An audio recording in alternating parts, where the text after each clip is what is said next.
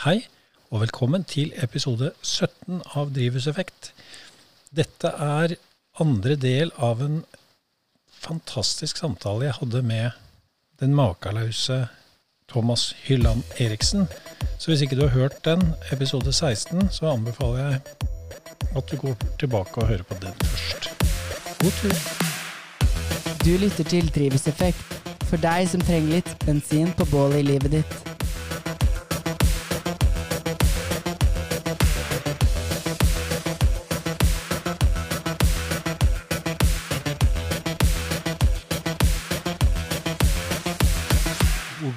Som det fascinerer meg, hvordan klarer du å være så klar?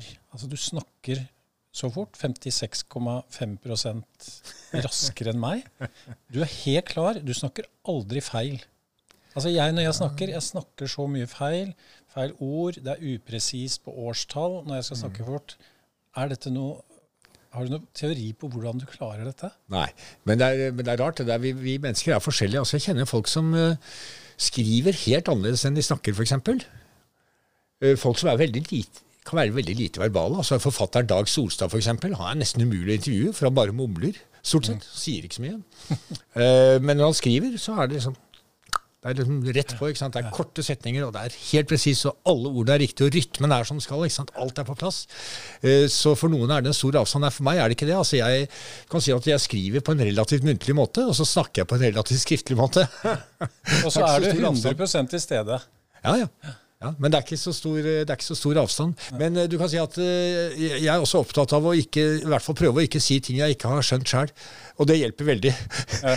altså, igjen, skal ikke nevne navn, men altså, det er jo en del akademikere som åpenbart ikke selv forstår hva de snakker om. Men de syns det høres bra ut. Uh, og så prøver man også å skjule at man ikke har så mye å si, ved å si det på en komplisert måte. Mm. Banale ting som blir sagt med masse fremmedord og innskutte bisetninger, høres veldig avansert ut. Og når du skjærer inn til beinet, så ser du at dette her er jo liksom ingenting.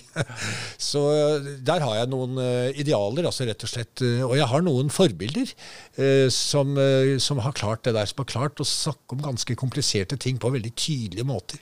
Jeg husker en av de som jeg beundret veldig da jeg var student, var kriminologen Nils Kristi. som Han døde i en sykkelulykke, han var nesten 90 år. vet du.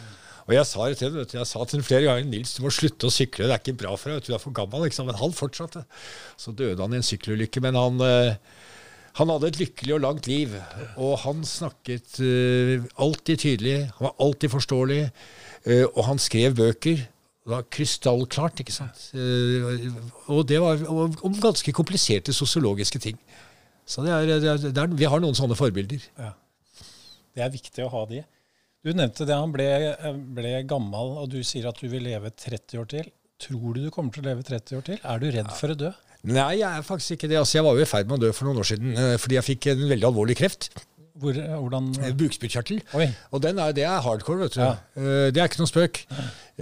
Testikkelkreft er liksom ingenting, det blir du ferdig med. Men bukspyttkjertel, da, da, er det dårlige prognoser. Og, så jeg er jo ikke helt ferdig med den ennå. Tror men, du du blir ferdig med det? Eh, nei, jeg tror egentlig ikke det. Men eh, jeg har vært i god form i over to år nå, og jeg tenker ikke på det lenger. Men da var jeg jo veldig i berøring med døden, ikke sant. Mm. Eh, og jeg ble egentlig litt forbauset over hvor lite redd jeg var for å dø. Jeg hadde mm. trodd at jeg ville blitt mye reddere, for å si det sånn. Mm. Jeg aksepterte at uh, noen ting bare skjer, og det er ikke alt vi har kontroll over. Jeg var bekymret for familien min. Mm. Kone og to barn, ikke sant. Mine nærmeste. Og tenkte mye på dem. Mm. Men eh, nei, jeg var ikke det. Men, eh, og jeg tror heller ikke at jeg kommer til å leve i 30 år til. Jeg, men eh, jeg er takknemlig for hver dag, for å si det sånn. Og det er også noe du lærer deg når du har vært i nærheten av døden, tror jeg. Hver dag når du våkner om morgenen og har lyst til å gjøre noe, og har noe morsomt, sånn som å komme ut hit og snakke med deg, så, så er, du, er, du, glad for det. Altså, det var jeg ikke før jeg fikk kreft på samme måte. Det var derfor du sa ja? til å komme Nei, jeg ville nok gjort det uansett. Ja. Men jeg ville ikke satt pris på det på samme måte. Så til de tidligere spørsmålene om vi blir klokere med årene Hvis vi har vært gjennom noen kriser Så nå har vi jo en svær global krise, pandemien. Mm. Eh, og krise er jo et ord fra gresk. altså I det gamle Hellas så snakket de om kriser. Og da handlet kriser stort sett om en medisinsk tilstand, altså hvor du hadde en høy feber. Mm. Eh, og da var det bare, egentlig bare to utganger, for de hadde jo ikke vaksiner og antibiotika. Eller, de hadde en urtemedisin. ikke sant? Det var to utganger. Du døde, eller du kom deg. Det var ikke noe tredje vei. Eh, og nå må vi regne med, med denne pandemien at vi ikke dør, da. Men poenget med krisen for grekerne var at hvis du kom deg, så var du litt klokere etterpå. For du hadde lært noe. Du hadde lært noe om din egen sårbarhet, og du hadde lært noe om betydning av andre mennesker, og, og det å være til stede i verden og leve osv. Så, videre. så du var litt klokere etter at du liksom tørket av deg setten og ristet av deg sykdommen og gikk ut i solen igjen. Et gullkorn. Jeg håper, jeg håper vi får til det med denne pandemien også. Du lytter til Drivhuseffekt. Eh, du sier, altså Jeg vet jo, vi skal jo ikke dø, leve evig, men er det noe du skal rekke? Føler du at det er noe du skal rekke nå? At du har dårlig tid? Ja. Men jeg kan ikke si konkret hva det er. Men eh, jeg tror det jeg vil prøve å rekke, er å få livet liksom til å henge sammen som en historie. Fordi eh, mange av oss lever vel liv som er litt fragmenterte. hvor Det er litt hit og dit, og det er litt eh, da Så jeg det, og så jeg det, og, og hva er den indre sammenhengen? Jeg håper å kunne føle at jeg har liksom den helheten.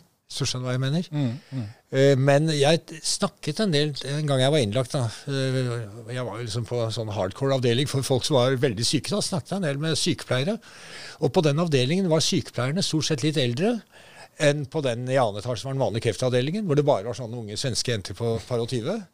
Og de er kjempeålreite, de, altså. Ja. Men de vet ingenting om døden. Ja. Mens de på den mer alvorlige, seriøse avdelingen, eh, litt høyere oppe i etasjene, de var noe eldre. Mange sørlendinger, så vidt jeg husker, og en del kristne. Okay? Så de, de, visste hvordan de skulle snakke om døden med folk. var det som var poenget. Så jeg spurte en av dem, så jeg ble litt kjent med. Hva det kom av, var at folk som da var ganske gamle, for det hadde jeg sett, som var over 90 år, var livredde for å dø. Hadde ikke de levd lenge nok? Var de ikke ferdig? Og jeg hadde en teori, sa jeg, og det er at jeg tror at det er folk som opplever at de ikke har fått gjort opp for seg. Altså at, at, de har gjort noen urett, kanskje noen av sine nærmeste, og så har de ikke klart å snakke om det. Det kan være noe sånt som et, altså I Norge er jo sånne ting som hytteoppgjør f.eks. Det er ekstremt traumatiserende i noen familier. Søsken slutter å snakke sammen. Mm. Eller at de har vært utro mot kona. Eller at et eller annet, sant? hva som helst. En litt sånn messig relasjon til sine barn. Et overgrep. Et eller annet som de ikke har kunnet snakke om. Mm. Og så sa hun at jo, det kunne nok tenkes det, men hun, hennes opplevelse var nok dessverre at det, var mye, det motsatte var mye vanligere. Mm. Altså at folk ville ikke dø fordi de følte at de selv var blitt gjort urett. At, var, at, de var så forbanna sant, på en eller annen eller på et eller annet.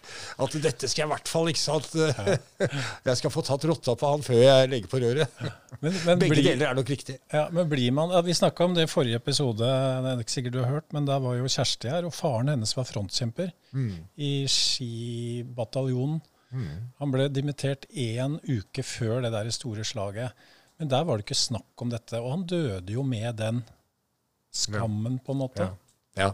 Hvordan tror du det Nei, Jeg tror det må være litt vondt. Ja. Uh, og, men hvis man ikke klarer å snakke om ting altså, Snakka ikke om det, ikke sant? Nei, og Familien tok det kanskje heller ikke opp, for det var litt tabubelagt. Hun fikk vite når hun var 40 år. Ja. Altså sånne ting, eh, Det er mye som eh, vi, vi, går alle rundt med sånne ting, tror jeg, som Hvorfor skammer vi oss? Ja. Er det arvelig? Altså, hvorfor, Kjersti sa at hun skammer seg ikke. Men det er mange som skammer seg på vegne av barna sine, foreldrene ja. sine. Ja, og du ser det nå ikke sant, i forbindelse med den serien som går på NRK om frontkjemperne, som mm. det har vært en del debatt rundt. At det er frontkjempernes barn og barnebarn som tar dem i forsvar. Mm. Så de opplever på en eller annen måte i mange tilfeller selv at de har et ansvar da, overfor sine foreldre. Så her er det nok noe biologisk tror jeg, som er, har å gjøre med slekt skal følge slekters gang, og, og blod er tykkere enn vann. Altså, når det kommer til krita, så er det av og til tilfellet, selv om det ikke alltid oppleves sånn. Men, eh, men, den skammen du snakker om, jeg tror det er eh, altså det at vi skammer oss, det er jo noe av det allmennmenneskelige. Det er noe av det som gjør oss til mennesker. Mm. Altså, denne ulven som sitter ved siden av her, han eh, skammer seg ikke, vet du. Men han har nok noen følelser, og han har et emosjonelt liv.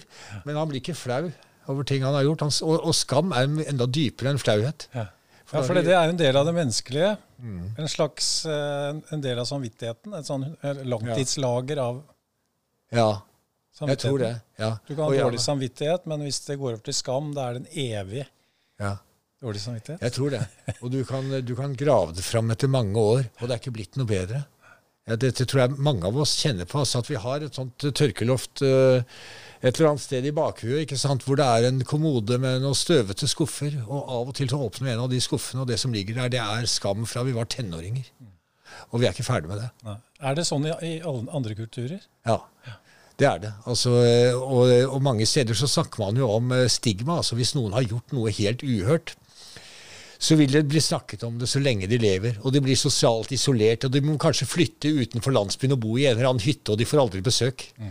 Altså, det, så det, det, er, det er allmennmenneskelig. Altså, dette med rødming, flauhet, skam, altså raseri det, Jeg tror det er noen sånne følelser som vi finner igjen overalt, selv om de ser litt forskjellig ut i ulike kulturer.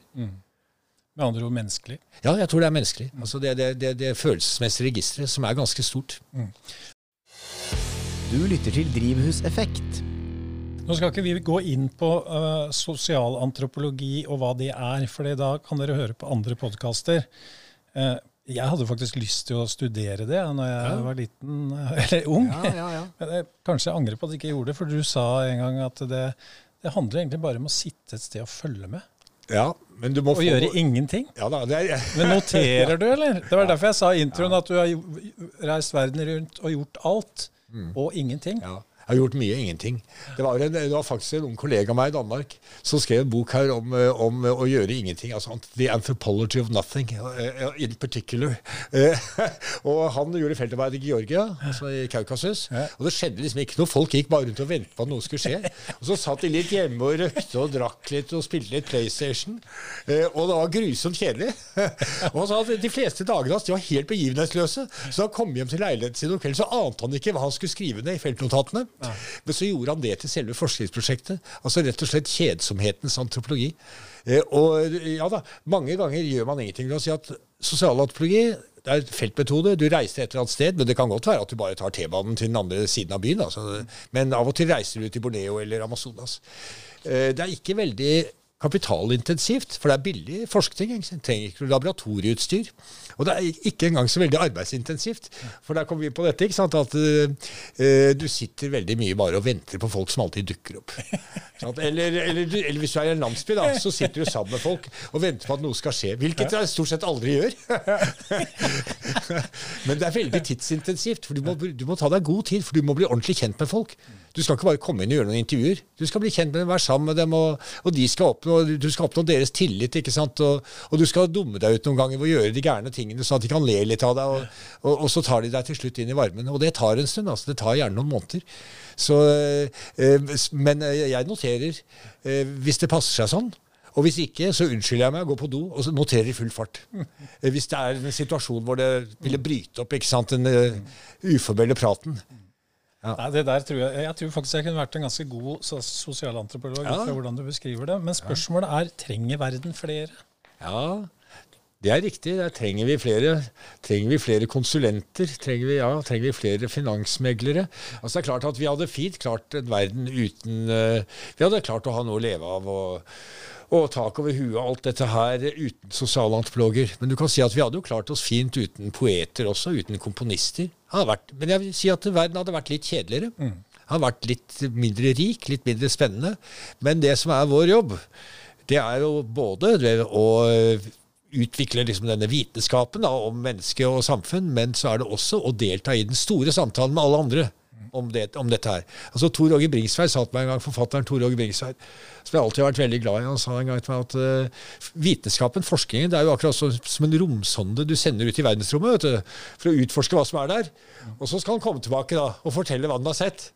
Problemet med forskningen det er at den er jo denne romsonden. Vi sender den ut i verdensrommet, men den kommer aldri tilbake.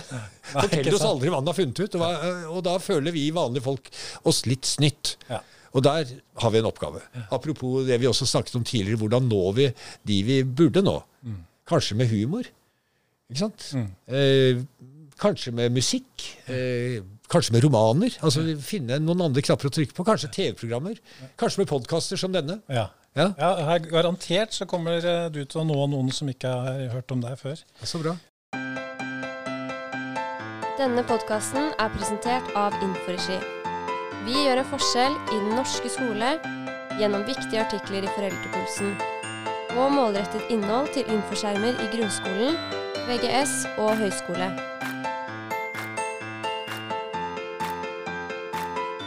Du, du nevnte dette med kjede seg. Ja. Det er det et, blitt et stort problem i forhold til all skapelse og samfunnet generelt? Og litt sånn inne på storulssyndromet her også, at vi ikke kjeder oss lenger. Altså For jeg ser mine unger, når de har tid til over, så er det Netflix-film. Ja. Altså De kjeder seg ikke, og de, de vet ikke hva de skal gjøre. Og Nei. da kommer det ingen skapelse. Nei.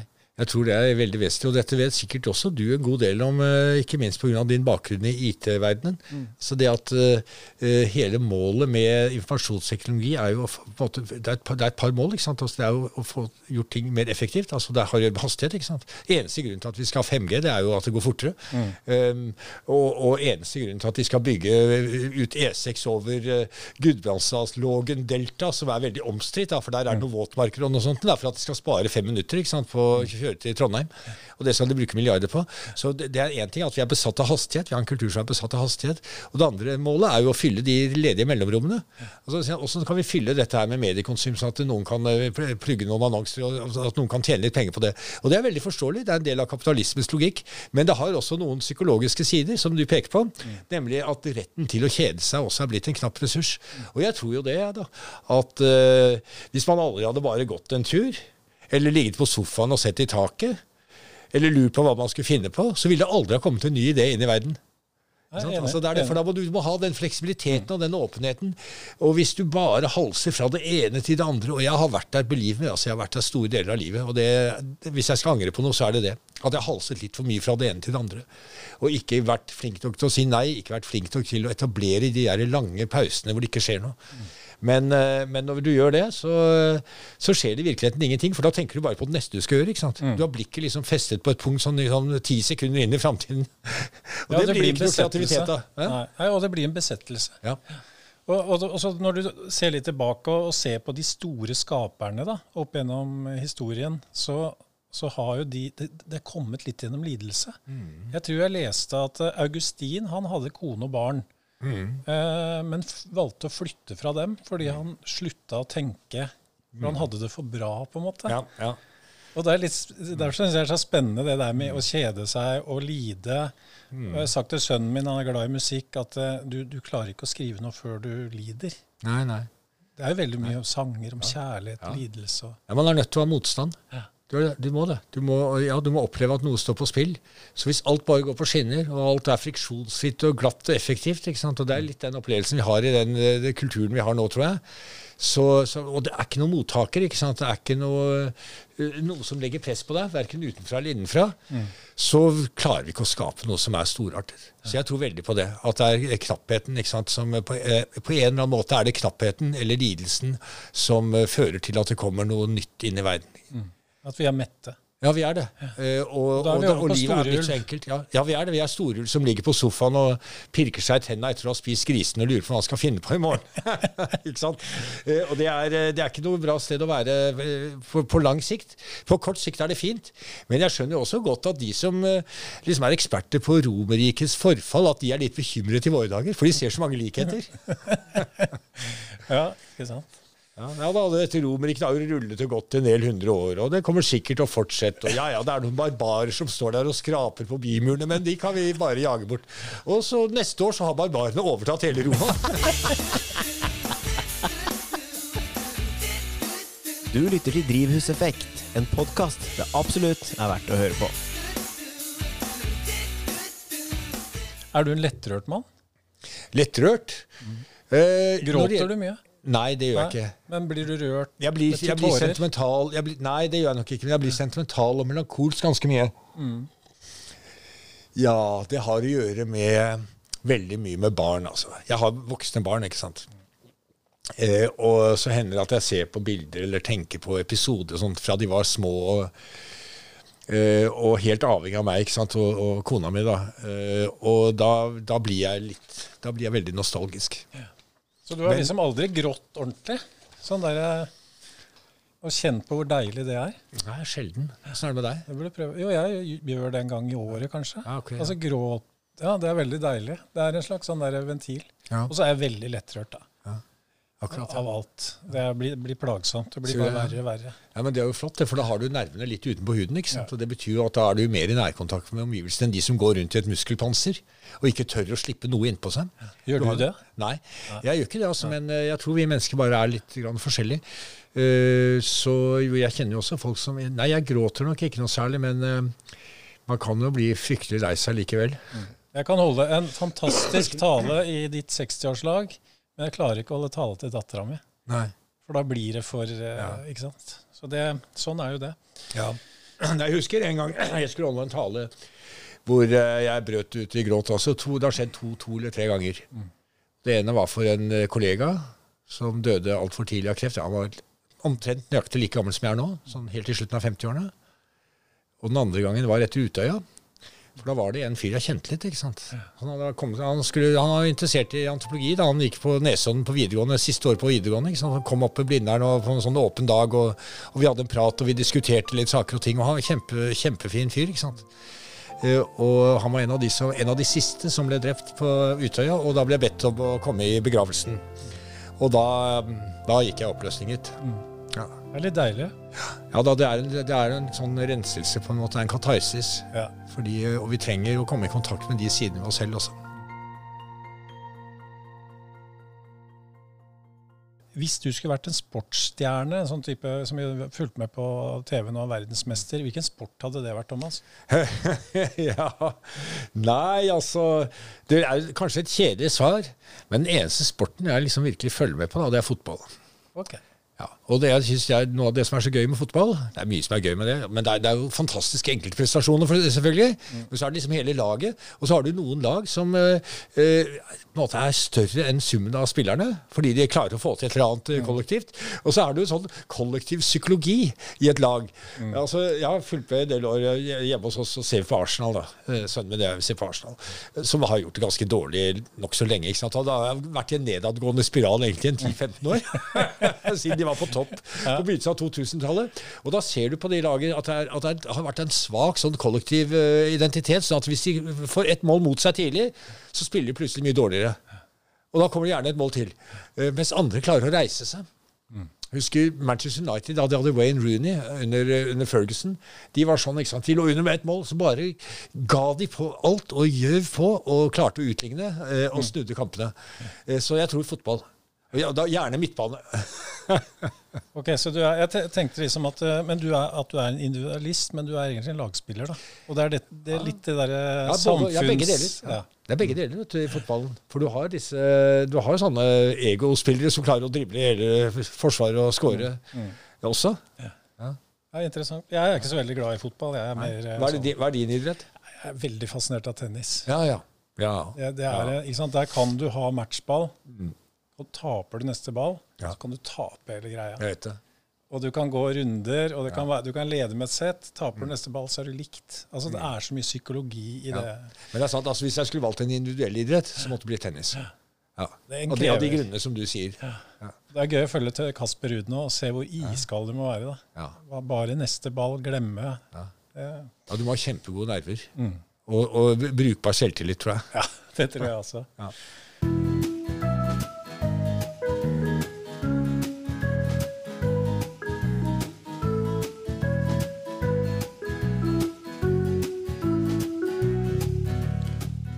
Anbefaling. En spesiell kulturell ting du er besatt av.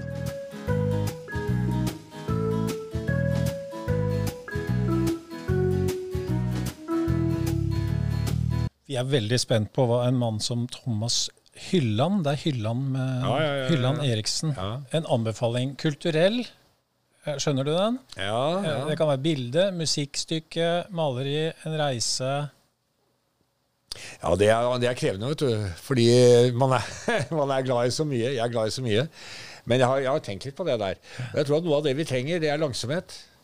Så hvis jeg først skal anbefale noe, så er det noe som er langsomt. Og litt melankolsk, men veldig vakkert. Nemlig Malers sjette symfoni. Og den er det en del folk som har et slags forhold til. Fordi hvis de har sett filmen 'Døden i Venedig', som for øvrig er basert på en novelle av Thomas Mann, som jeg nettopp nevnte, så er det Mahlers sjette symfoni som går i bakgrunnen der. Og den er, eh, den er sorgtung. Det er liksom helt på slutten av Habs- Habsburgerriket. ikke sant? Altså Det er rett før første verdenskrig. Og Man merker at det er liksom en ny tid som kommer. Og det er nydelig musikk. Men den, du må sitte og høre på i en times tid, altså. Uten å gjøre noe annet. Veldig god anbefaling, Thomas. Takk. Og da anbefaler jeg altså å høre den episoden med Eva Øyrø, eh, Drivhuseffekt, hvor jeg var oppe og besøkte henne, 87 år gammel, hvor hun sitter og spiller eh, Beethovens syvende symfoni. til. Wow. Den bør du høre. Det skal jeg gjøre. Du lytter til Drivhuseffekt, podkasten som treffer blink.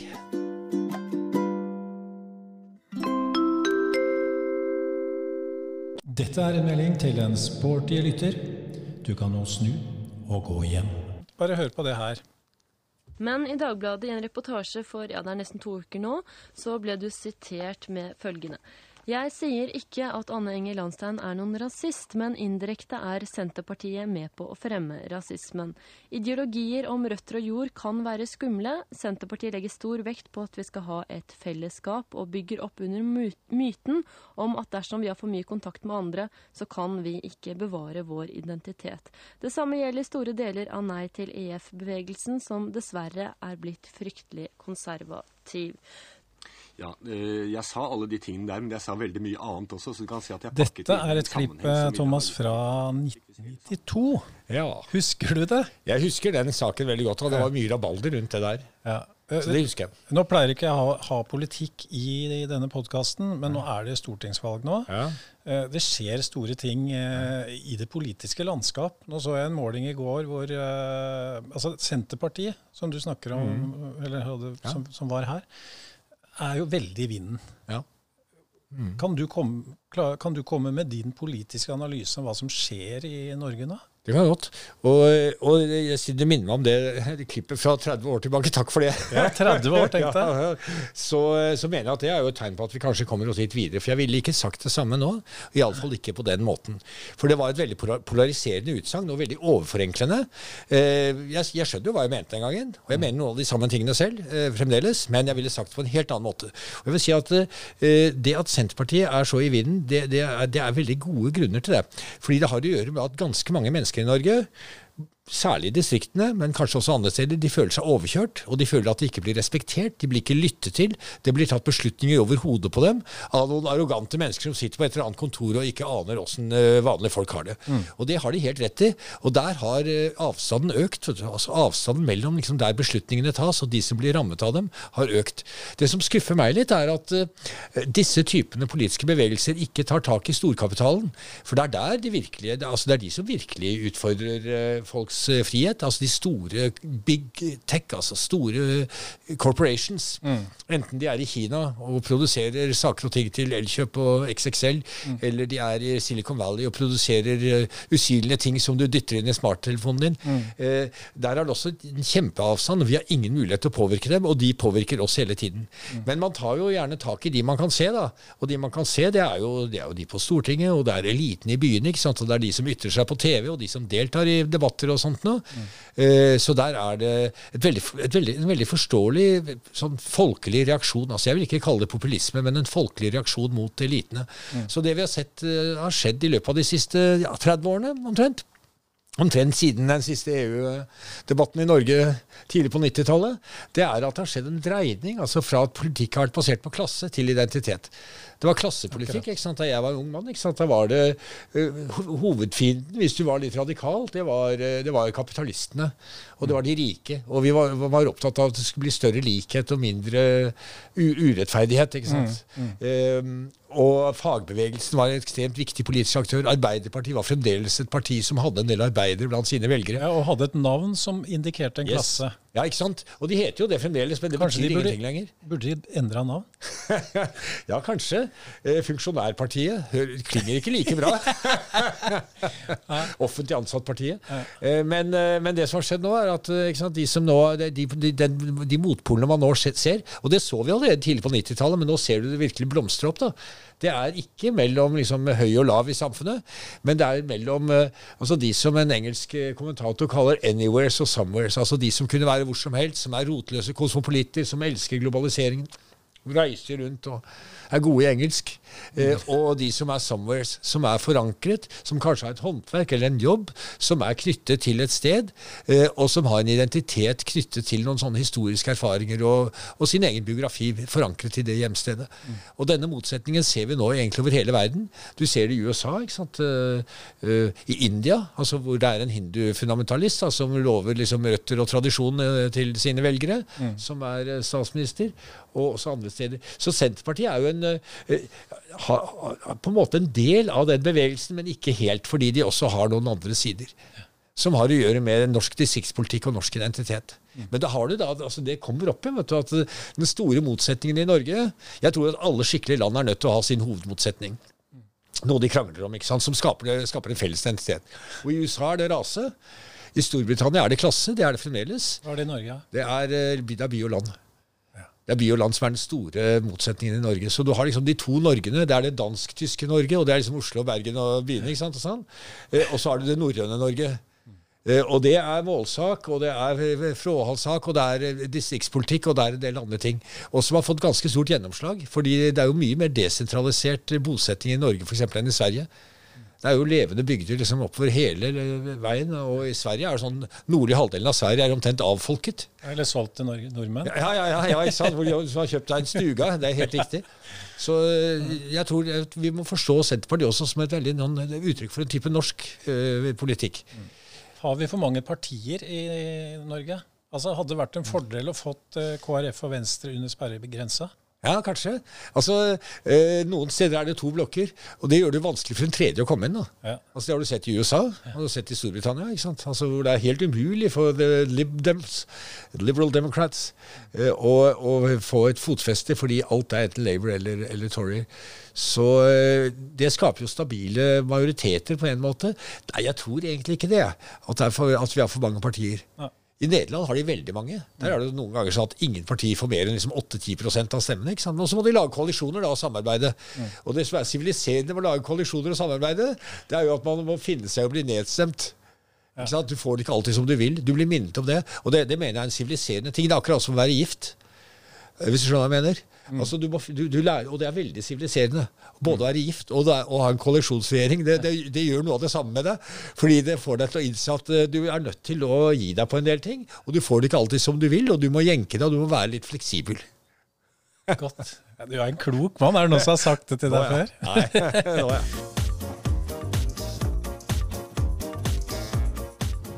Gjenbruk. En vandregjenstand fra forrige gjest.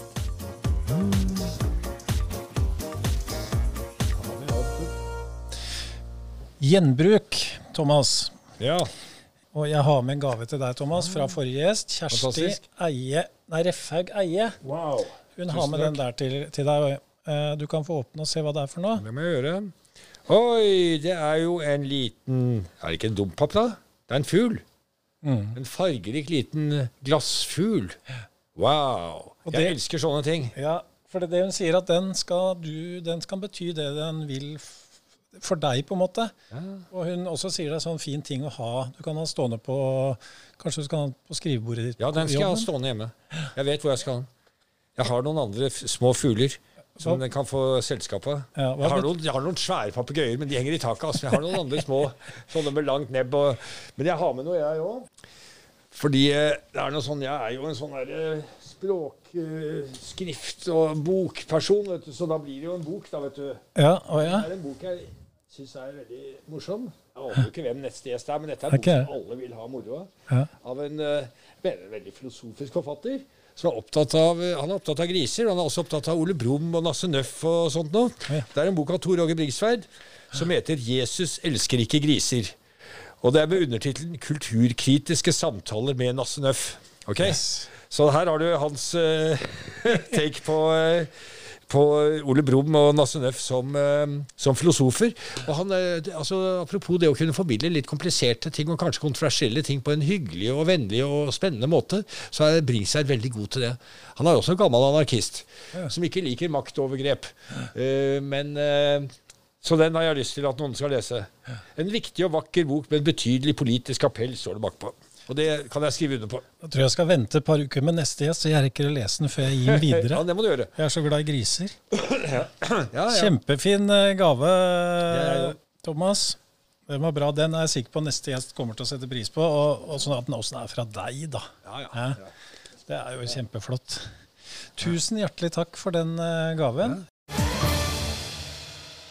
Hvis du eh, nå hadde vært tvunget til å måtte flytte til et av de stedene du har gjort feltstudier, og bodd resten av livet, Ja. hvor hadde det blitt? Ingen tvil. Det hadde vært Mauritius. Fordi Jo, fordi det er, sånn, det er et mangfoldig sted. Altså, Jeg elsker klimaet der. Jeg elsker maten. Det er et passe fint, det er fint klima. Det er til og med et høyland der hvor det er litt kjølig noen ganger. Midt på vinteren, sånn i juli-august. Um, eh, og, og det er veldig, veldig god mat og veldig hyggelige folk. eh, og stort mangfold. Er Flotte så, strender. ja. Er det nesten så du kunne tenkt deg å gjort det selv om ikke du ble tvunget? Altså, Jeg hadde en eh, slags fantasi om det på mitt andre feltarbeid. Da var jeg sånn 29-30 år, i 1991-92. Og da tenkte jeg, hvorfor kan ikke jeg bare slå meg ned her? Kan, for jobb, så jeg kan lære opp folk i engelsk. Jeg altså kan være engelsklærer, fordi alle vil lære seg engelsk. Jeg kan være engelsklærer, og jeg kan lære folk litt data, litt sånn enkel eh, ja, tekstbehandling og sånt, som det var et voksende behov for den gangen, tidlig på 90-tallet og gifte meg med en lokal skjønnhet og slå meg ned her. Eh, men jeg slo det fra meg, for jeg skjønte at det livet nok ville bli etter hvert nokså kjedelig. Så du, det, du skal ikke gjøre det? Nei, altså Jeg kunne ha gjort det nå, for nå er verden mer globalisert. Så nå er også Mauritius mer i kontakt med resten av verden. Nå er det ikke måte, like viktig hvor du er. Nei, Nå sitter du og holder forelesning for studentene dine hjemme likevel. Ja, ja, ja. Og jeg er med på konferanser i Japan ikke sant? og i Australia. Og ungene dine er store. Hvor Ja. gamle er de nå? Ja, De er i begynnelsen av 20-årene. eller Sønnen min er 24, og datteren er 22. Så de, eh, og de er på vei ut i livet. Og kona di er fortsatt glad i deg? Ja, så jeg har det bra. Jeg har ingenting å klage over. Nei, men da kan jo du ta med deg kona til Mauritius Ja, de vil. siste 30 årene. Ja, hvis hun vil.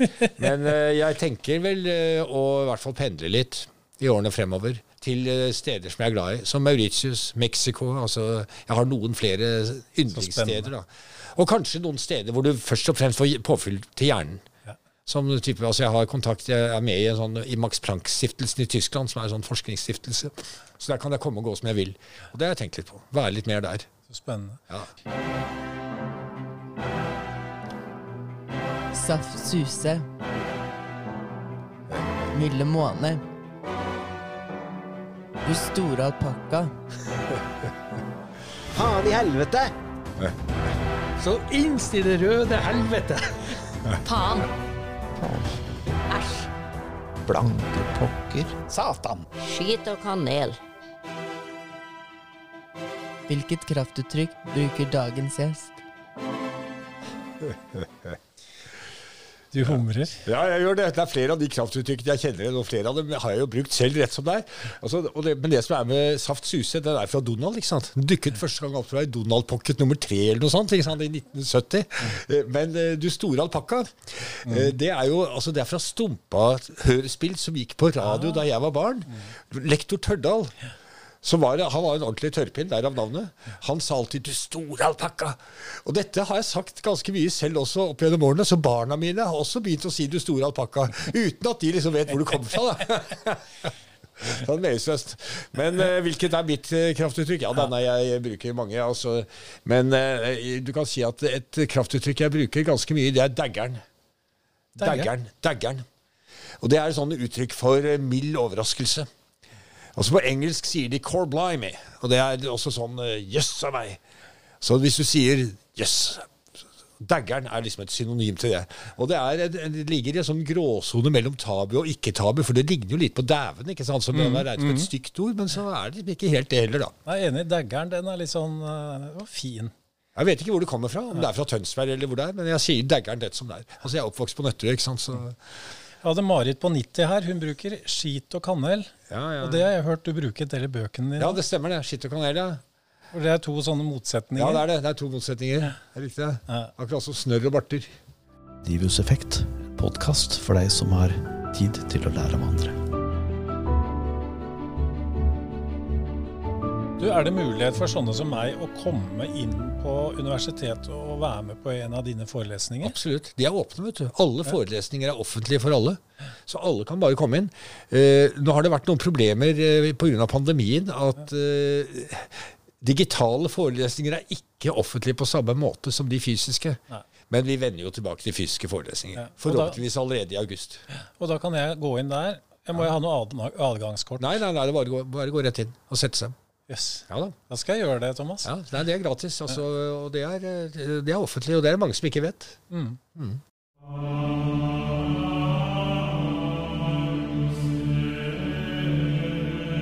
Hei, det her er Eva. Nå har mannen min spurt nok. Nå skal du få stille Jostein ett spørsmål. Og jeg forventer at han er ærlig. Ærlighet varer alltid lengst.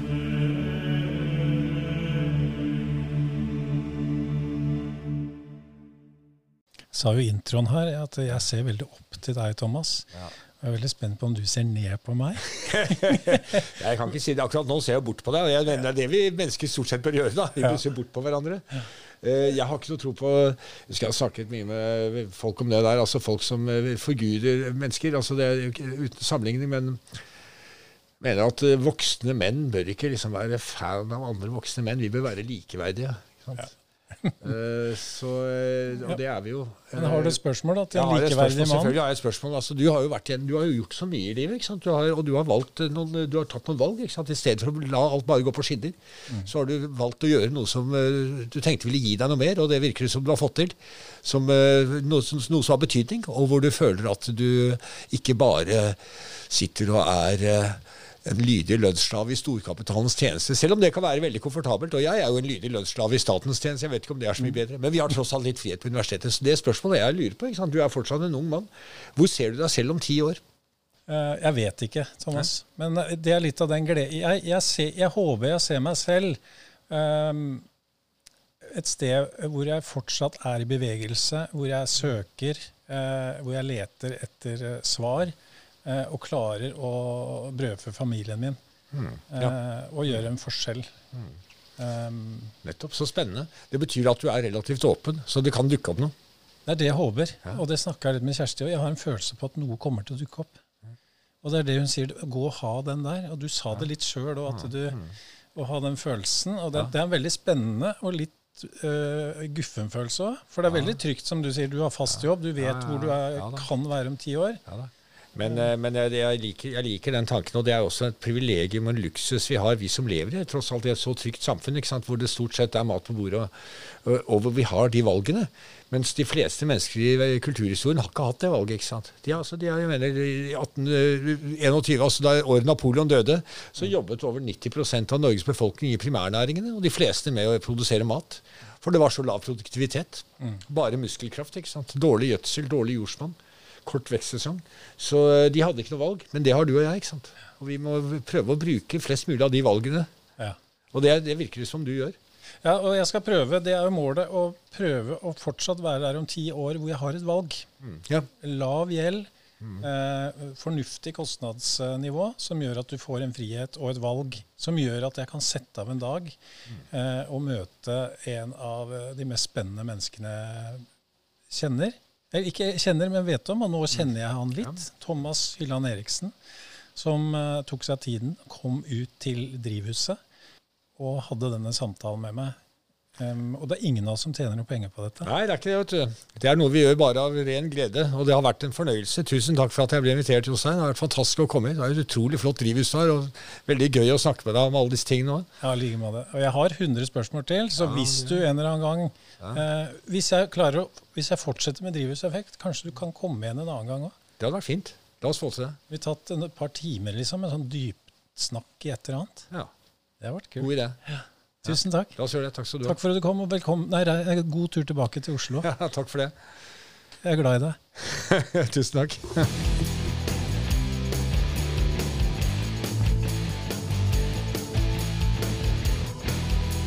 Drivhuseffekt. For deg som trenger litt bensin på bålet i livet ditt.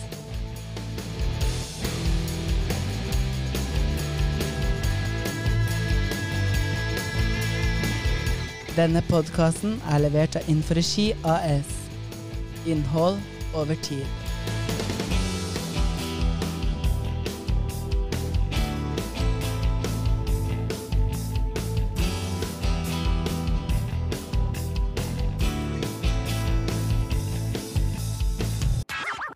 Hvorfor ikke lytte til én episode til? Her er noen smakebiter. Ja, velkommen til podkasten episode én. Og jeg sitter her og jeg bare sitrer, skjelver nesten av spenning. For en gangs skyld skal jeg være gjest, så nå lener jeg meg bare tilbake med kaffekoppen her og skal svare på de spørsmålene du har. Ja. Altså, I USA går jo alle til den kaller counseling, eller hva det heter. Jeg tror det er veldig åpent eh, Eller nå er det, det er ikke like tabu som det var før. Har du vært hos det før? Aldri. Nei. Jeg har jo Men du er veldig sånn aldri. Ja, men Som om det Aldri? Hallo! Det å bli gammel, det er rett og slett å erkjenne eh, at man eh, faktisk eh, har vært gjennom et langt liv. Ja. Og det å ha vært gjennom et langt liv, det er faktisk en gave.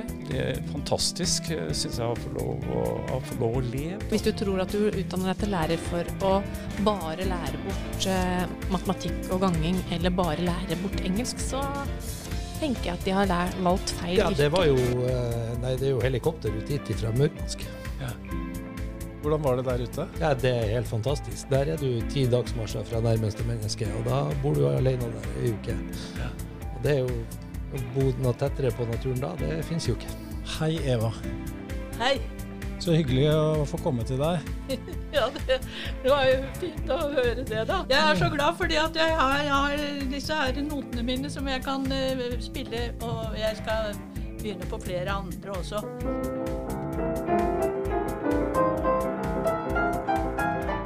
Jeg vet ikke om du var på jobb under 22. juli. Eh, jo, jeg var på jobb. Skjebnens ironi skal jo ha det sånn at du da har fått deg en venn, for vi er jo venner, Bjørne, Det er vi. som har kompresjonsfraktur C5. Det er meg. Hva er det for noe? Hva er det jeg har? Ja, Men det er sånn at jeg faktisk er adoptert. Er du det? Ja, sånn at uh, mine biologiske foreldre Jeg tror ikke alle kaller det for skattekart. Nei. Jeg tror en kaller det for eh, rastløshet, og så gjøre mye annet greier og leiter, vet du. Ny mann, nytt hus. Sånne ting. Så er det helt klart at man kan bli for glad av å ta øh, øl, og jeg føler kanskje at det, man kan komme i faresonen, og jeg er vel kanskje en som er i faresonen. Fordi Hva mener du med det? Faresonen? Men hvis, hvis, jeg, hvis jeg må velge en, Så så Surulv sitter ved siden av deg. Hvis ikke du bestemmer, så biter den. Jeg syns det er litt gøy også å kjøre deg litt på det, fordi der tror jeg du er At du er litt sta og, og dømmende. Og du har helt rett Nei, jeg er ikke dømmende. Du vet jo ikke hva det er. Jeg er ikke dømmende, men Vi må ikke hoppe av. Nei, vi skal ikke hoppe av. Og eh, dette var en kraftig advarsel. Ja. Dette moderne mennesket som har for lite bevegelse i kroppen sin. Her sa kroppen fra, og dette signalet må man bare ta alvorlig. Så det var, det var så sterk opplevelse. Jeg hadde tårer i øya, og jeg syns det var helt fantastisk. Og jeg skjønner hvorfor folk drar dit og ja, jeg får ser sånne opplevelser. til deg, Thomas. Jeg er veldig spent på om du ser ned på meg. Jeg kan ikke si det akkurat nå, ser jeg bort på deg. og det er det vi mennesker stort sett bør gjøre. da. Vi Ja. bør se bort på hverandre. Eh, nei, men det er jo det. At, eh, at jeg, jeg hadde en eh, far som var, eh, som var frontkjemper. Ja da, det er, en, det er en sånn renselse, på en måte. En katarsis. Ja. Fordi, og vi trenger å komme i kontakt med de sidene ved oss selv også. Du må bare dele det med andre som har tid til å lære av andre. Vi er besatt av hastighet. Vi har en kultur som er besatt av hastighet.